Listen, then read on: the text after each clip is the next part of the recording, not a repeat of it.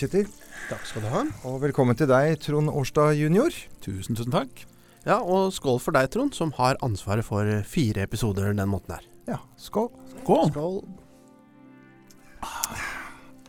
Temaet denne måneden, det er altså fra jord til bord.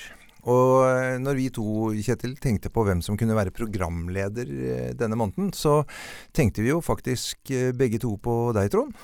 Ja, for vi vet jo at du kan mye om mat og drikke. Og hvor kommer denne interessen fra?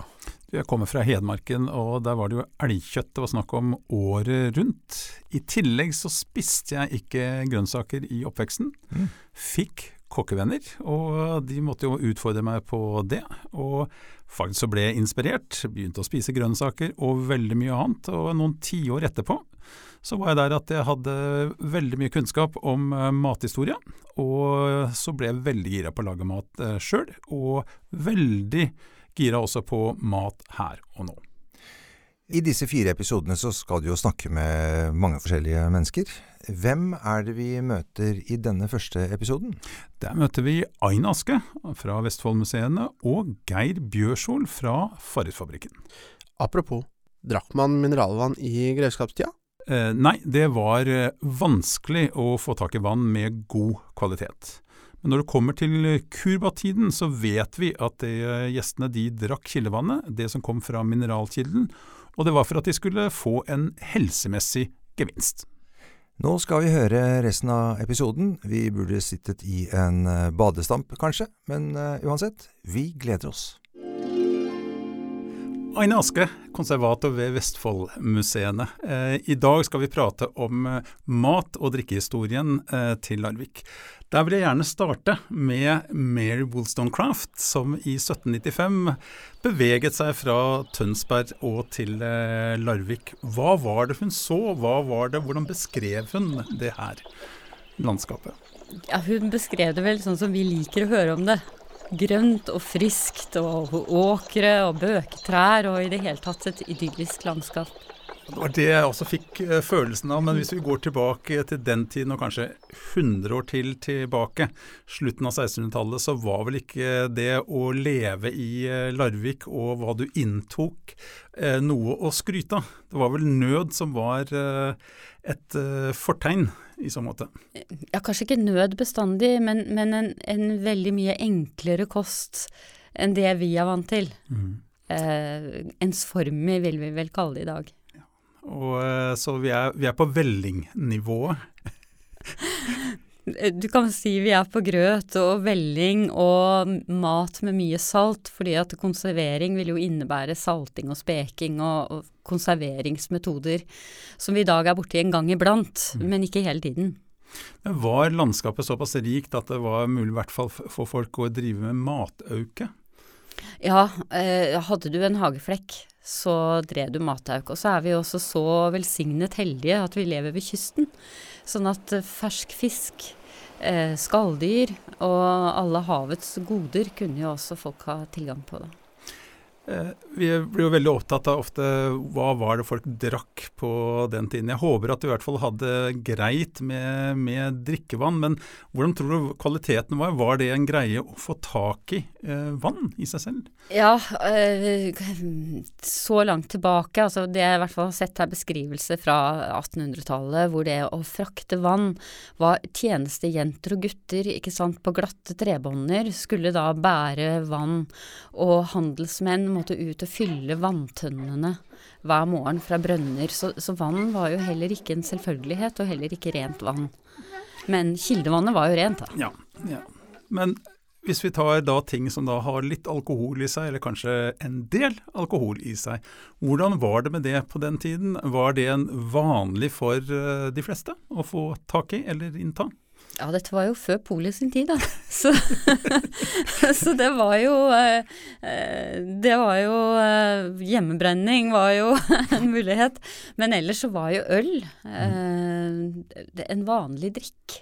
Altså eh, Sånn at, og alle mulige typer melkedrikker. Altså alle måter å bruke overskuddet av melk på etter ysting som kunne omgjøres til drikke. En, det vil si at det, jeg var kanskje litt frampå med det her å si det med nød, men, eh, men, det var kanskje ikke til sammen noe vi vil kjenne oss veldig igjen i, hvis vi eh, fikk presentert mat og drikke fra den tiden. Nei, kanskje ikke, men allikevel så må du tenke på vi spiser brød, vi drikker vann, melk, kjøtt. Så, men, men det, var, det, var, kanskje det at vi er så vant til det store overflodet som har kommet fra utlandet, så du kan si all den, alle importvarene. Eh, var jo ikke folk vant til. Og så var det jo eh, selvfølgelig en mye større fattigdom og dårlig kost og lite mat for mm. mange. Men vi er jo da et uh, område som uh, da har havner uh, tidlig, og det kommer jo veldig mye varer til Larvik. Kan du si litt om hvordan det her oppsto, og det mangfoldet som kom? Ja, det er jo som du sier, det kom jo med skip. Og det at Larvik hadde eksport av jern og tømmer, gjorde at disse skipene kom tilbake fra Holland og England eh, med eksotiske varer som ikke var for alle, men det spredde seg allikevel fort. Og det vet vi med sukker, f.eks. Eh, og kaffe. Så, og krydder. Og vi ser jo i eh, skiftene etter handelsmenn, så kan vi liksom da følge hva som ble eh, importert og solgt fra kjøpmennene. Og vi ser også fra tollistene. Var, var det sånn at det vi på den tiden, altså vi går tilbake til 1600- og 1700-tallet, at det vi var tidlig ute pga. at vi var så nær kontinentet, eller er det en, en, litt spesiell påstand? Eh, ja, kanskje ikke. Eh, det skal ikke jeg uttale meg skråsikkert om, men havnebyene er jo selvfølgelig steder hvor Og, og Larvik var jo en havneby, og i tillegg en grevskapsby, en residensby, så kontakten med kontinentet var i hvert fall der. Og så hadde vi jo en del interessante, litt eksotiske personer fra det adelige sjikt som uh, residerte i Larvik, og de brakte nok også med seg både planter og andre ting som folk fikk høre om, i hvert fall. Og da vil jeg gjerne gå over til uh, en spesiell si, hendelse da, på slutten av uh, eh, 1600-tallet. For når du snakker om det her med å innta det ene og det andre, så er veldig opptatt av et, uh, en bestemt sommer, 1696. Da var det høy aktivitet i herregården. Det var det, men det var det jammen meg utenfor også. Jeg vet jo hva du sikter til. Det var jo Gyldenløves lange besøk i Larvik den sommeren, og da sto de jo på hodet. Eh, jegere ute på gårdene i Larvik som da skulle levere til dette store følget som eh, greven hadde med seg. Så det hadde en, rett og slett en del lokale ringvirkninger? Uh, ja, så absolutt. Ja. For jeg har jo uh, fått se uh, da den listen, eller det regnskapet som man gjorde opp året etter. Og da ser man at det, her har det Her har inntaket vært ganske solid og veldig, veldig variert. Ja. Der var det variert, ja. Der skulle det ikke mangle på noe som helst. Eh, og det virker som om det, de har trukket inn mennesker fra hele Larvik. Altså det, det prates om uh, en del lokale steder, altså alt fra Kjølling til oppe i Svarstad og ute i Brundanes. Og det virker som alle på en eller annen måte som kunne levere noe, gjorde det. Men tror du at det var noe de måtte gjøre, eller var pålagt, eller var det sånn at det her var det en mulighet for å tjene litt på det? Det var jo begge deler, mhm. selvfølgelig. Mm. Men jeg vet jo fra senere besøk eh, at eh, grevens eh, menn, overinspektører i Larvik, river seg i håret, for nå er det ikke mulig å få tak i mer. ikke sant? Nå har de, de har nærmest tatt alt det som bøndene kan levere, og bety, det betyr jo at andre fikk mindre. Mm. Mm. så det var nok et pålegg ja. i stor grad. Jeg uh, har merket meg uh, at det er et par ting jeg syns er interessant å, å, trekke fram fra dette regnskapet. Uh, at det, var 1000 riksdaler til sammen som gikk ut for da tre måneder. Mm. og så syns jeg også at det, av de 1000 så står det at det er 147 riksdaler som har gått til alkohol.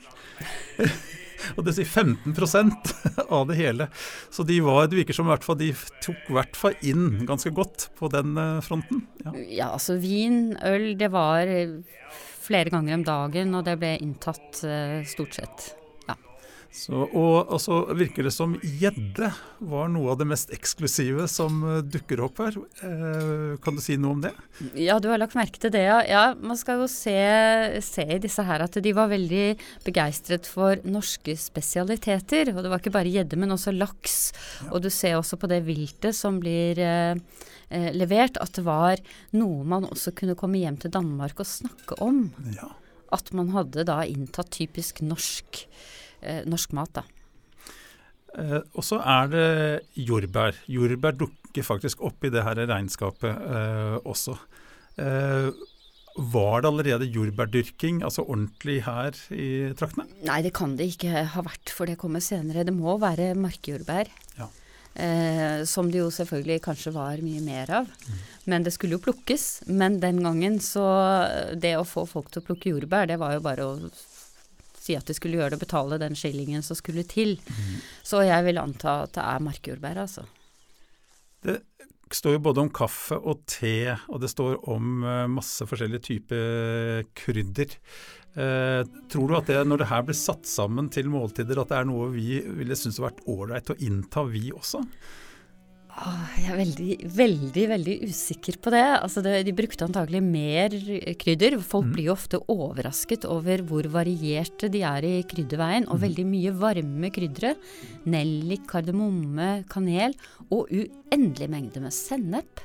Ja, det så jeg der, og det, det, står ikke hvor det er knyttet til, eller hvilke rettene, rettene så jeg, jeg, ble veldig overrasket. Volumet var jo helt enormt. Ja, og, og vi tenker jo også kanskje at det er liksom vår tid med olje og eddik, men det finner du jo også på bordet, ikke sant. At mm. man serverer olje og eddik da, til maten. Som, som smaksforsterkere har de, har de brukt mye av i de kretsene. Men hvis vi går litt eh, fram i tid, hvis vi spoler fram til starten på 1800-tallet, eller slutten av 1700-tallet. Eh, vi prater litt om nød og, og, armod, og en av de tingene som gjorde noe med det etter hvert, var poteten. Kan du si litt om eh, hva vi vet om når poteten kom til Larvik, eller noe om hvordan utbredelsen ble? Ja, eh, poteten kom jo eh, på slutten, altså i andre halvdel av 1700-tallet. Eh, jeg har sett i regnskapene, og som jeg sa, jeg husker ikke akkurat hvor, men jeg vet det ble dyrket potet i, i en av de små sånne åkerlappene utenfor herregården. Jeg tror det er i 1780-årene. Men det vi vet fra Kjølling, og den fantastiske presten Nils Seiersløv Stefansen, som da kom fra Danmark og ble eh, prest i Kjølling i mange tiår, en elsket prest. Og han skriver i sine kallsbøker, altså rene dagbøkene, det er helt eh, fantastisk å lese. Og han skriver også om dyrking. Han er jo en opplysningsprest og opptatt av at bøndene skulle dyrke jorda riktig. Og han skriver om potetene. Eh, og det han har hørt, at det er en som heter Ole Rasmussen, sånn omkring 1770, som av kjøpmann Borch i Larvik, som jeg har vært borti i skifter, så han eh, eksisterte. Så har han fått kjøpe dette underlige og helt nye som heter potet. Mm. Og han setter det i jorda eh, og tar opp potetene og koker det med stilk og blomst og hele, hele greiene og spiser det.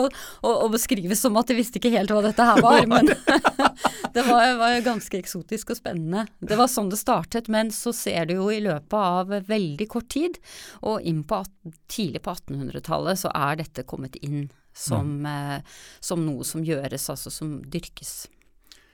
Eh, på starten av 1800-tallet også så er vi inne i en periode i slutten av napoleonstiden hvor det også tilbake til det her med nød og ikke enkle kår. Eh, hvordan var det med, siden man var så tett til eh, Danmark, var det sånn at det var mye transport og import da, av uh, korn fra Danmark? Ja, ja, det var det jo selvfølgelig. Selv om, uh, selv om, det dyrkes korn, så var jo kornimporten til Norge veldig, veldig viktig. Mm. Eh, og i det øyeblikket Danmark-Norge var i krig med England og Sverige, og etter hvert Sverige, så ble jo den eh, handelen stoppet, ikke sant. For da kom det engelske skip og avskjærte da den, den uh, kornhandelen. Og da ble det nød. I Larvik så var ikke nøden like stor som, eh, som andre steder i landet, men de var allikevel startet de kornselskap og var helt avhengig av eh, denne kornimporten. Og den foregikk jo da på de tidene av året hvor man vanligvis ikke var ute. Og det var, det var ikke robåt sånn som det er i Vigen, men det var disse små eh, skutene som gikk frem og tilbake, og hvor byens handelsmenn og redere var de som hadde disse fartøyene da, som gikk i kornhandelen. Og det var farefull ferd, altså virkelig, og med stort mot eh, at dette foregikk. Eh, var det her noe som fortsatte eh, etter at blokadene var ferdig? Eh, eller var det her en, noe som tilhørte en bestemt periode ja. i vår historie? Eh, det, det, tilhørte denne perioden da eh, fram til 1812 og, og, og fram mot 1814, ikke sant, hvor du får et skifte. Men det var jo en del år, og når jeg leser gjennom eh, papirene fra, fra, byen Larvik i disse årene, så er det veldig dominerende disse fortellingene om alle farene som møtte disse handelsmennene og rederne og skipperne på skutene. Så det har vært, vært en veldig intens og, og, veldig dramatisk periode i historien. Hvis vi også ser på denne perioden her og noe før, eh, hvordan var et, eh, det å få ting til å gå opp for vanlige personer i løpet av et år? Jeg har en følelse av at det her med brensel i seg selv var ikke mm. heller så veldig enkelt. Nei, og det er jo rart for oss å tenke på i dag, men det kan jeg føle Du, du snakket om 1696 innledningsvis, og da bygde greven gjerder rundt havet og rundt alleer. Og jeg kan fortelle at hvert eneste år så forsvant disse gjerdene. De ble stjålet av folk som trengte brensel. Og det var jo fattige folk på Torstrand, og det var soldater. Eh, og dette her kan du følge gjennom napoleonskrigene også, på tidlig på 1800-tallet ved at uh, i tillegg til kornhandelen og trafikken, så var det det å sørge for at folk fikk brensel. Vi tenker jo ikke på det i dag, men hadde du ikke brensel, så kunne du jo fryse i hjel. Så, så, det var det også aksjoner under uh, disse uh, krigsårene. Larvik blir en del av Norge eh, ordentlig i 1817. og Er det bedre tider for larviksfolk, eller hvordan var din tanke om Eh, mot midten av 1800-tallet. Hvor, hvor, går vi hen da? Ja, De første tiårene, faktisk 1820-årene og frem et godt stykke ut i 1830-årene, så er det vanskelige tider. Det er fattigdom. Da er det faktisk fattigdom og nød. Eh, du ser det på kommunale papirer at det, Eller det var jo ikke kommune på den måten, men altså det eh, At det er usystematisk og rotete. Det er en helt gjennomgående, tydeligvis en vanskelig tid. Og så kommer du over. Det skjer et skifte Eh, etter formannskapslovene 1836 og fram mot 1840-50-årene, hvor du får liksom kommunale tjenester mm. og, og livet mer på stell. Men 1820-30-årene var vanskelige. Det er jo et veldig eh, et bilde som er framme ofte fra Bøkeskogen, at det vi eh, rundt slutten av 1850-tallet så feirer man 17. mai ordentlig. Det virker det som også som man, man er Det går den, på den, den, riktige veien da, på den tiden. Mm. Det, ja, ja, det tror jeg du Det har du rett i. Da er det en ny giv, og man har kommet seg opp av en vanskelig periode. Og du ser også en befolkningsøkning, da så lurer jeg litt på det her med hvis man går tilbake i tid, på 1800-tallet. Eh, var det sånn at det Ja, man dyrket kanskje noe rundt husene sine, men hadde man også husdyr tett på husene? Hvordan var det her? Ja, det der det kan du jo lese om. Eh, det her er jo en del beskrivelser, og, og det er jo et eventyr for oss i dag, altså. For det var jo snakk om å begrense antall svin i gatene. Eh, og det var dette med at kyr skulle ut på beite ikke sant, og gjennom gatene. Så det var, var, var et, yrende, et, yrende, dyreliv for de som hadde muligheten til å ha en gris eller noen høns. De hadde jo det, ikke sant, for det var jo matauk. Er det sånn at det, hvis man har gått gjennom eh, Larvik i sentrum på, for 150 år siden, at det man hadde hatt lyst til å holde seg for, for nesa? Hva tror du? Ja, det, det, tror jeg hvis du var nede på det bakkenivået. Men samtidig så kan vi huske på disse beskrivelsene som kommer fra andre reisende enn mm. Mary Wollstonecraft, som vi begynte med. Som forteller at de kommer liksom Når du kommer til Larvik fra landeveien, så kommer du på en måte ovenfra. Og Da er det flere som forteller at de blir møtt av en duft av kirsebærtrær og epletrær og plommetrær. Så det var tosidig. Larvik var jo også den grønne byen som vi liker å tenke på Larvik som i dag, med frukttrær, blomster, syriner, og, og, det ble lagt merke til altså av reisende. Mm. Hvis, man, hvis, vi avslutter med å eh, gå kanskje til et punkt sånn cirka der hvor jernbanen kommer til eh, Larvik cirka på den tiden. Eh, vil det være mulig for oss å, å, gå et eller annet sted og innta noe som du og jeg kunne sette pris på, enten av mat eller drikke, i Larvik sentrum? Ja, jeg har ikke så veldig mye kunnskap om eh, restaurantlivet på den tiden der, men eh, vi vet jo det at i, eh, i disse rike private hjemmene så, så, var man jo da kontinental, ikke sant. Man hadde jo tilgang på, på, det meste av det vi ville sette pris på i dag. Ja, så det er ikke sånn at vi ville være, alt ville være fullstendig fremmed for oss?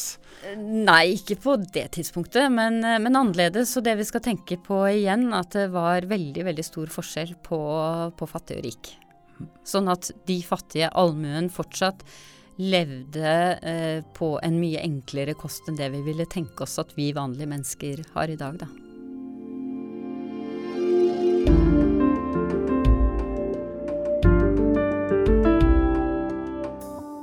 Geir Bjørsol fra Farris og Ringnes-systemet har jeg med meg i studio i dag.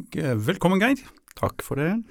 Du er eh, fabrikksjef eh, for Farris her i Larvik. Hva, hva, innebærer det? Hva gjør en fabrikksjef når det gjelder noe som produkt som Farris?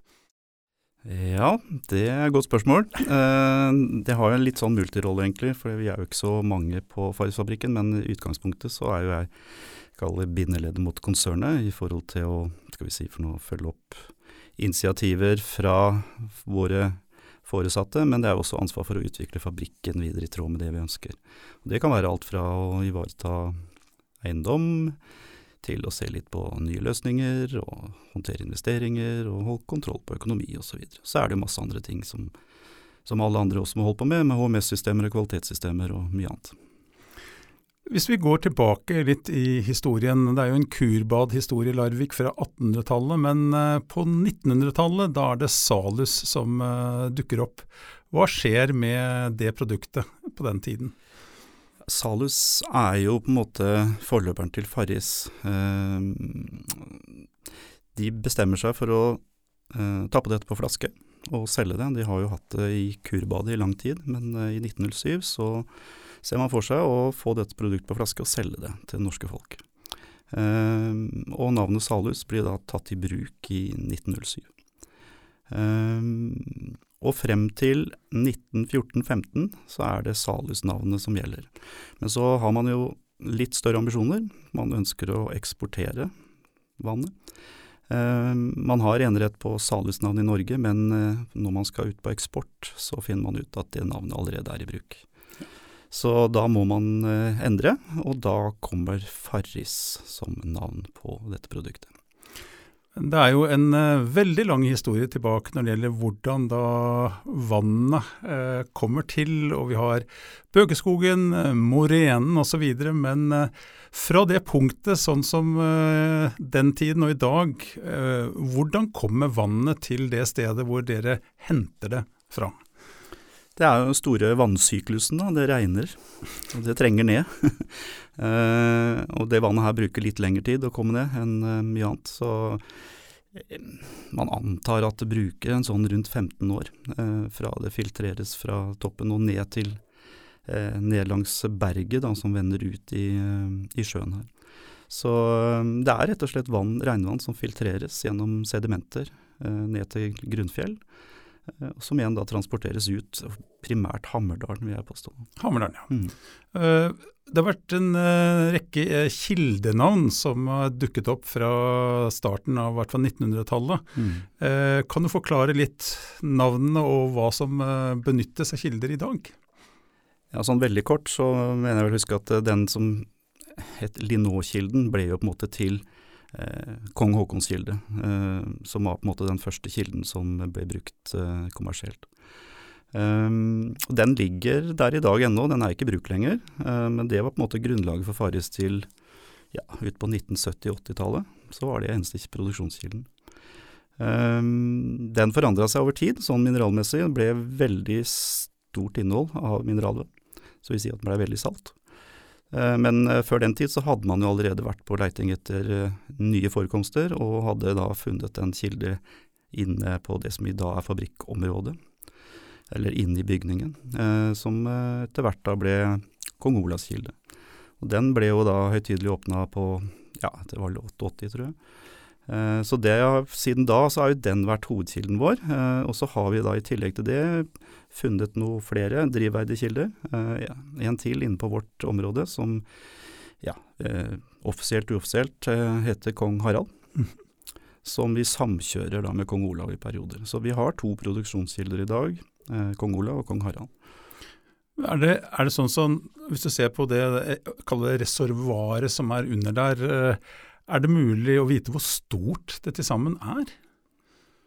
Eh, det vet jeg faktisk ikke, men, men, det er jo hele prinsippet i forhold til hvordan vi tar ut vann. Altså, vi er jo i samme grunnvannssystem når vi på en måte har disse kildene. Eh, det er jo ulike steder man har bora ned til der det er grunnvann.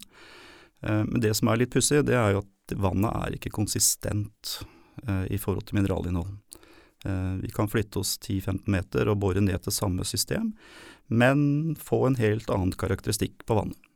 Så det er liksom ikke bare bore et nytt sted, og så har man vann. Det kan være jernvariasjoner, det kan være salt, det kan være svovel, som gjør at vi Det er ikke så enkelt å finne seg en ny kilde i samme grunnvannssystem. Hvis man ser på klima, klimaendringer og ser på eh, hvordan været har vært eh, de siste tiårene, så egentlig det vi gjør nå, er at vi går tilbake eh, 15 år, altså på sånn 2005 og framover. og det er, eh, det er, det vannet som kommer mm. ned og som kommer til nå. Så alt det som har skjedd etterpå, det er ennå ikke inne i, eh, i det systemet. Nei, eh, og, og, det vi ser er jo at det er ganske konstant tilgang på vann. Det kan være noen små variasjoner i forhold til uh, årstider. men det er fordi at det er litt spesielt system, at det er et trykksystem. Altså hele grunnvannssystemet står under trykk. Så det vil si at Farris er det som man kaller en artesisk kilde. Eh, så vil si at det vannet kommer opp til bakken ved eget trykk. Så selv om vi er nede på 20-40 meter og mm. finner vann, eh, så trenger vi ikke å pumpe det opp. Det er rett og slett vann som kommer opp til bakken ved eget trykk. Og det kommer opp på sånn måte at dere, dere, kan ta det imot den mengden som beveger seg opp, og dere kan regulere det etter behov? Ja, og så er det ikke Det er jo ikke utømmelig. Det det vi gjør, er vel egentlig bare å ta ut det som er overskuddet av det røret som vi har i bakken. Så vi suger ikke til oss vann fra, fra, fra kildesystemet. Vi tar ut overskuddet, egentlig. Og Det betyr også at vi ligger og på en måte håndterer et ganske konstant uttak uh, gjennom, uh, gjennom året. Har dere noen gang uh, i din tid vært borti at det, det du har lurt på kommer det til å komme noe mer vann? Det vet man jo aldri, men, men er, vi er jo litt sånn småparanoide da, i forhold til større inngrep i området. Mm. Særlig grunnarbeider, altså jernbane, ny E18, byggevirksomhet som på en måte krever store inngrep. Så, så vi ser jo det er en sammenheng.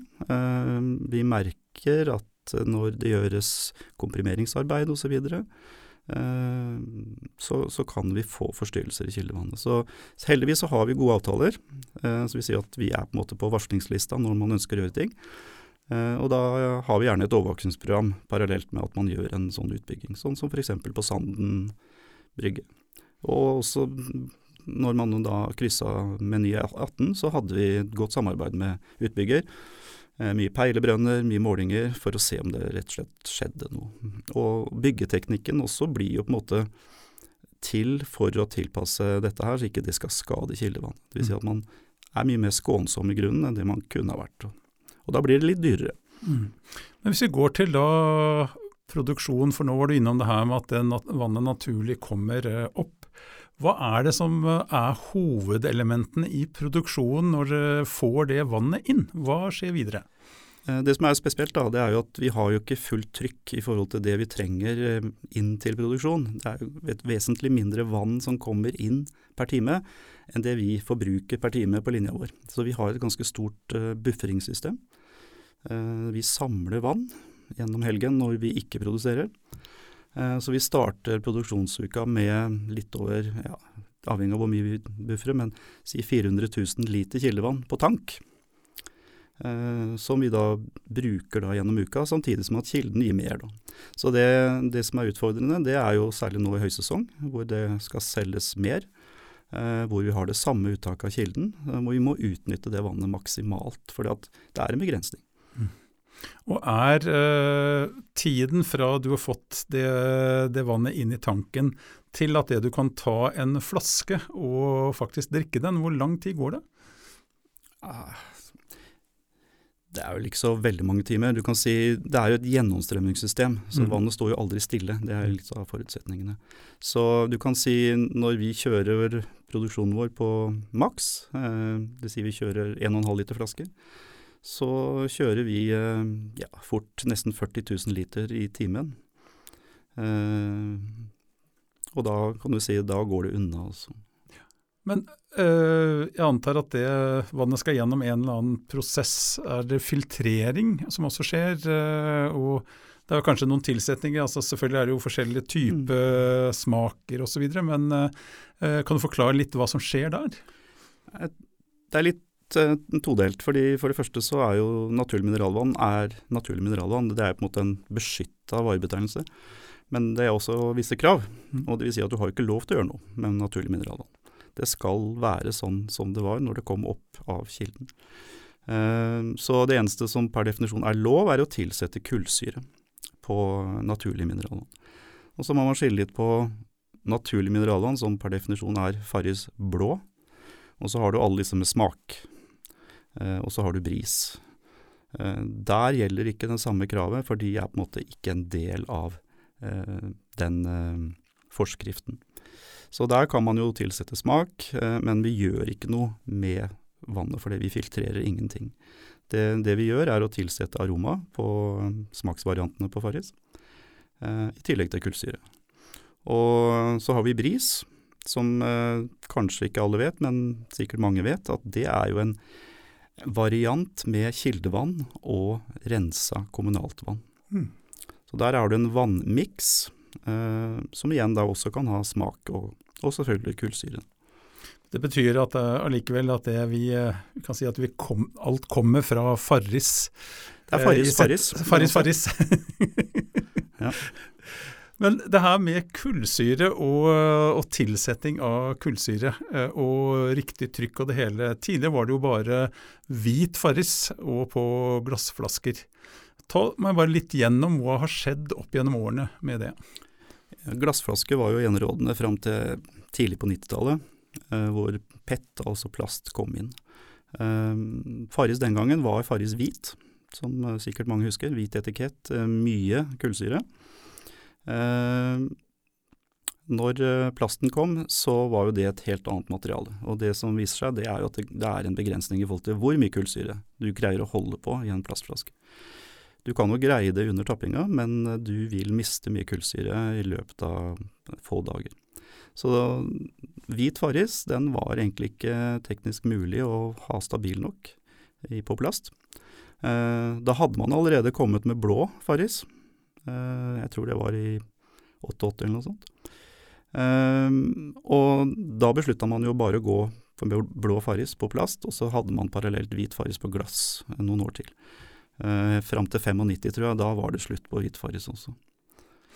Men, men uh, overgangen fra glass til, til, til, plast gjorde det noe også i tillegg ellers med holdbarhet? Altså, det kommer vi inn et holdbarhetsbegrep på et eller annet tidspunkt. Ja. Så hva er en vanlig holdbarhet på produktene i dag? I dag så er det fire måneder på små flasker og seks måneder på store flasker. Og det er knytta opp mot kullsyre, rett og slett, og på plast. Mm. Eh, glassflasker hadde vel i hvert fall et år, tror jeg.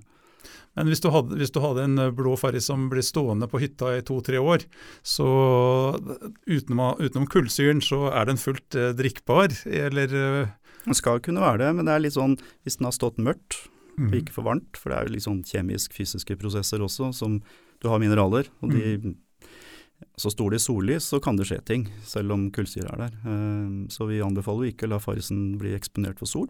Mm. Eh, for da kan man rett og slett oppleve å få en litt sånn ja, bismak på Mm. produktet.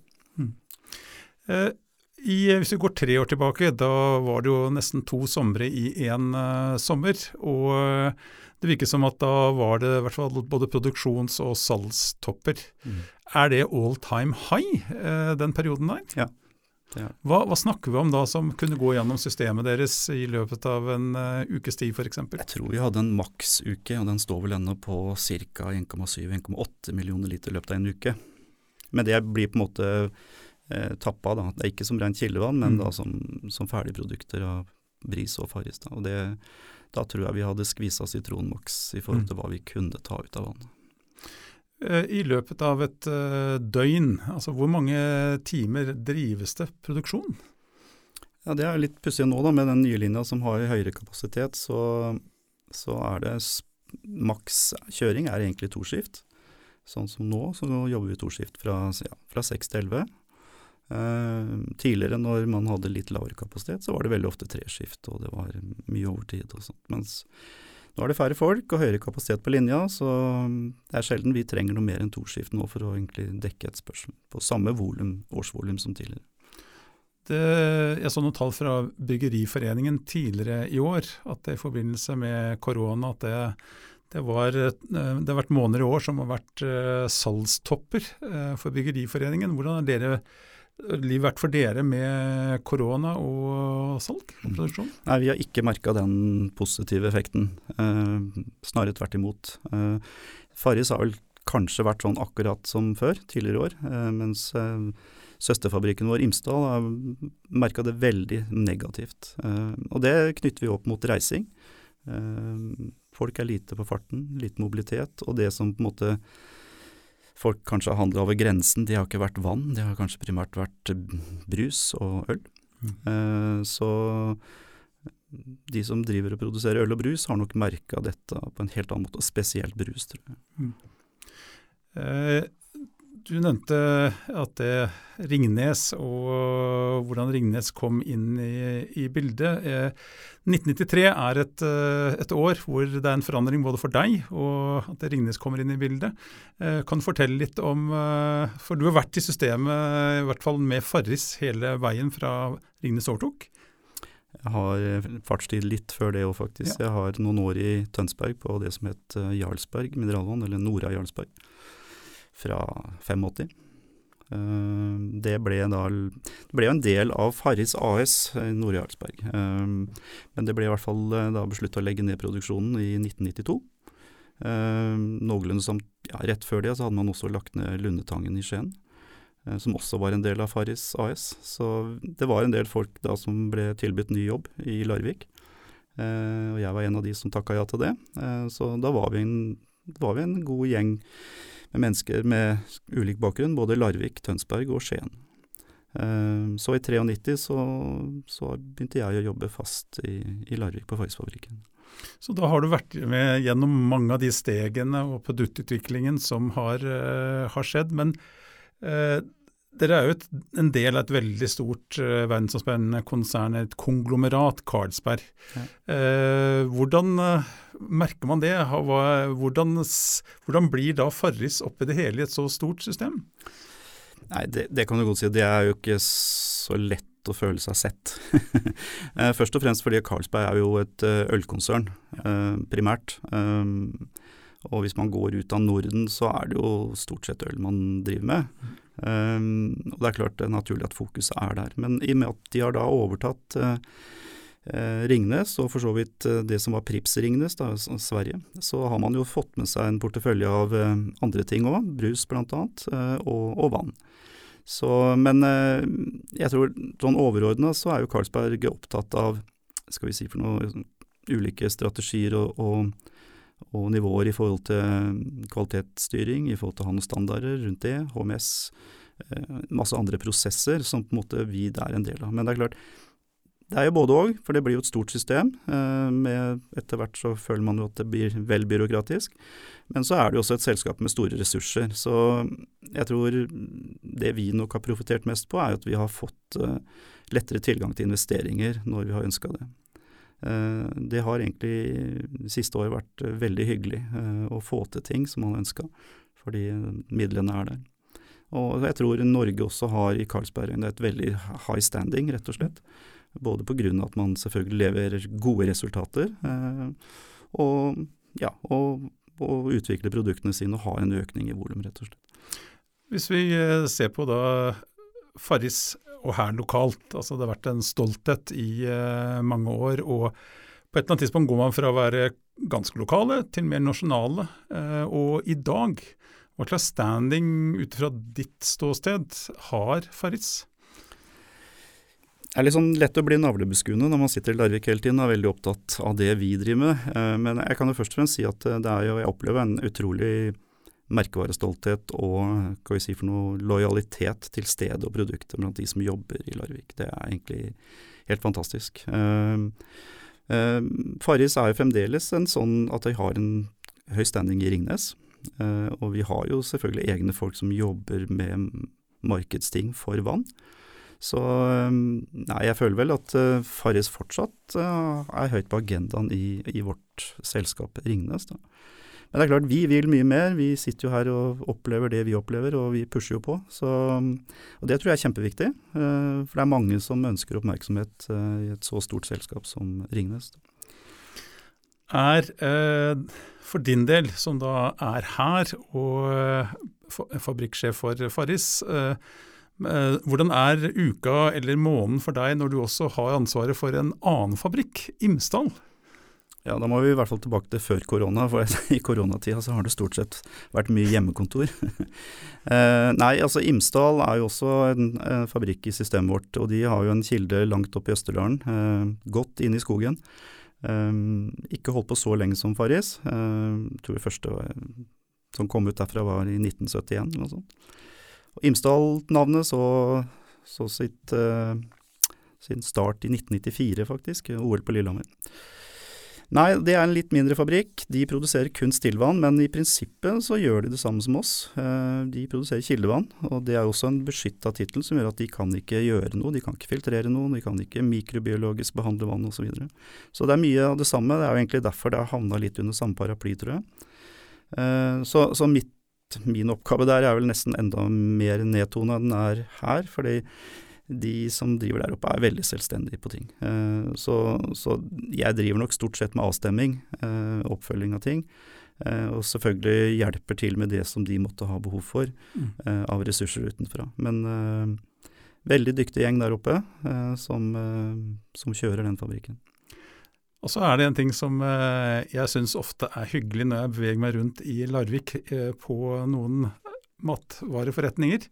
Da ofte er det et veldig hyggelig tilbud på Farris. Er det en sånn greie som man har beholdt opp gjennom årene, å gi Larviks befolkning et spesielt godt tilbud? Jeg tror nok dessverre ikke det. Også. det er bare vi som opplever at det, det, det, er på den måten?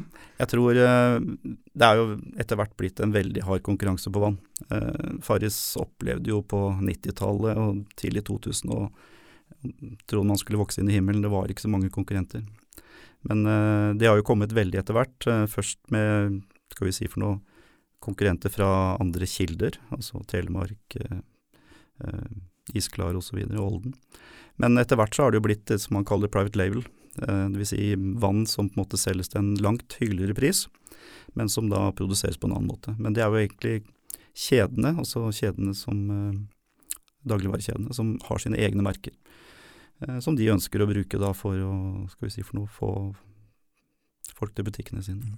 Og Det setter jo et press på oss også, for det er klart priskonkurransen er knalltøff. og Det gjør jo at uh, gapet kan bli litt stort noen ganger.